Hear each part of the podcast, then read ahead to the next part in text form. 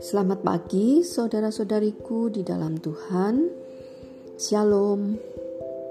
Kita akan membekali hari ini dengan firman Tuhan dalam hati dan pikiran kita, sehingga hari ini kita beroleh penyertaan Tuhan dan hikmatnya di setiap keputusan dan tindakan yang kita lakukan.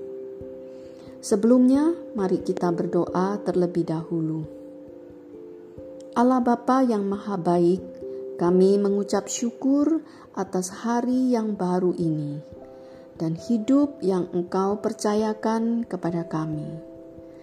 Penuhilah hati dan pikiran kami dengan firman-Mu, dan tuntunlah kami di jalan-Mu.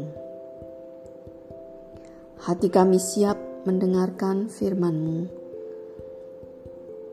Dalam nama Tuhan Yesus kami berdoa. Amin.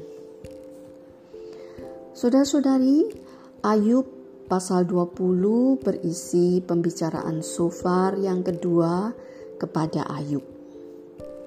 Sebelumnya di pasal 11, Sofar sudah memberikan teguran-teguran kepada Ayub. Sofar ini kata-katanya keras sekali.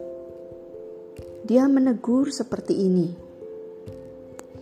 Apakah orang yang banyak bicara tidak harus dijawab?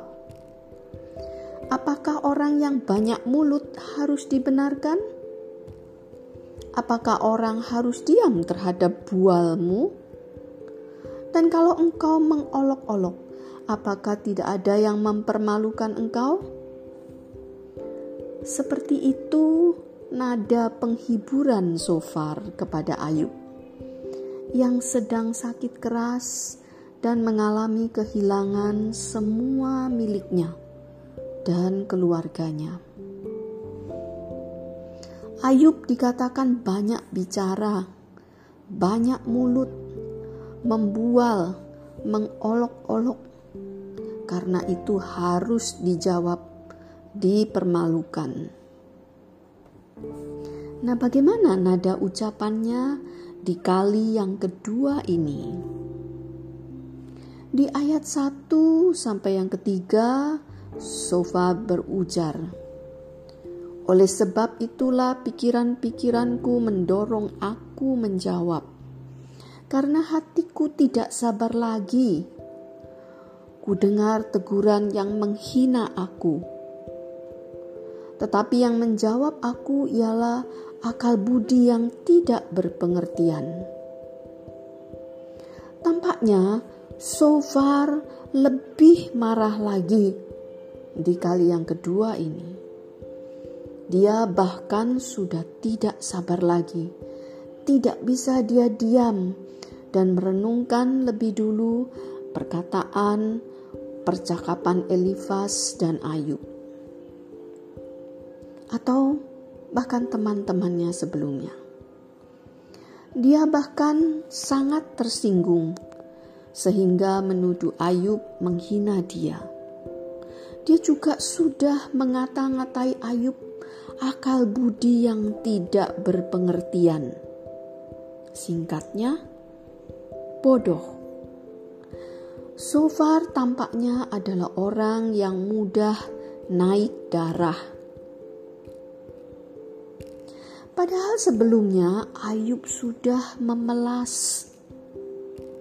Di pasal 19 ayat 21 sampai 22 Ayub berkata, "Kasihanilah aku, kasihanilah aku hai sahabat-sahabatku, karena tangan Allah telah menimpa aku. Mengapa kamu mengejar aku seakan-akan Allah dan tidak menjadi kenyang makan dagingku?"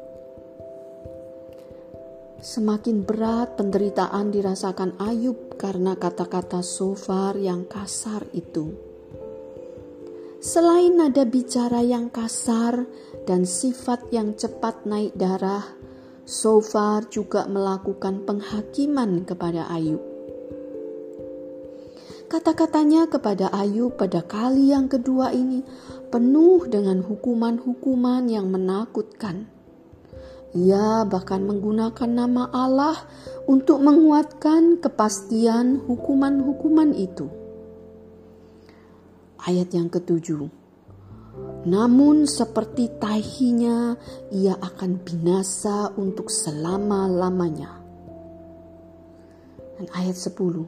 Anak-anaknya harus mencari belas kasihan orang miskin dan tangannya sendiri harus mengembalikan kekayaannya.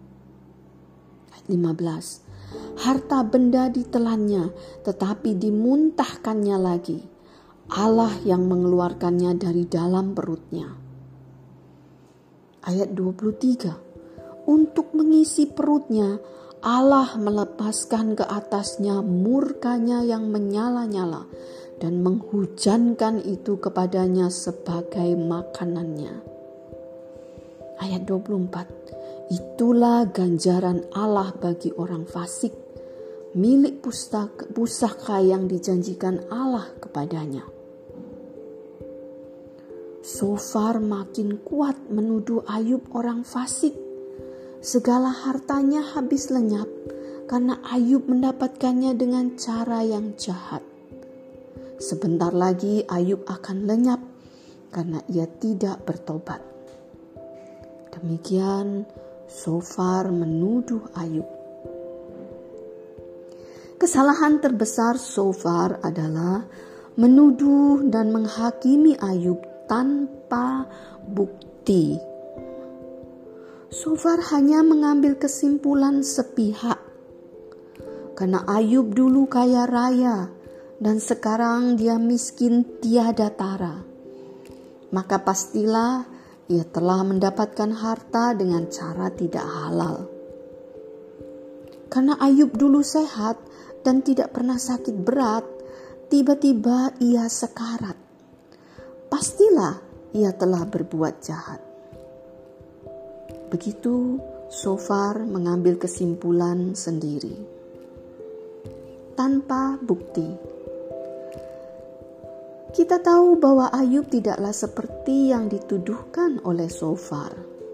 Jika kita ada di sana bersama Sofar, kita akan berkata kepada Sofar, "Engkaulah yang harus bertobat."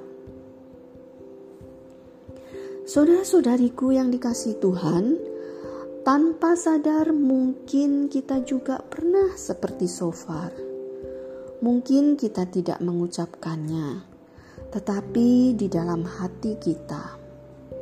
Ketika ada saudara-saudari kita yang mendapatkan kesusahan berat secara tiba-tiba, langsung kita berpikir dia dihukum Tuhan. Pasti karena dia salah. Kalau kita tidak memiliki bukti-bukti dia hidup tidak benar, kita tidak boleh menganggap kesusahan, penderitaan itu hukuman dari Tuhan. Seorang yang bersalah pun biasanya tidak suka ditegur dengan kasar, karena ia akan malu dan ia akan marah karena itu, marilah saudara-saudaraku, janganlah kita meniru Sofar yang bermulut kasar. Nasihat Amsal memang tepat. Perkataan yang pedas membangkitkan marah. Dengan kelembutan, kita menuntun dia untuk bertobat. Kiranya Tuhan memberikan kita kepekaan untuk memimpin dan menolong seorang saudara kita yang mentempa kesulitan, sehingga kita bisa menuntun dia.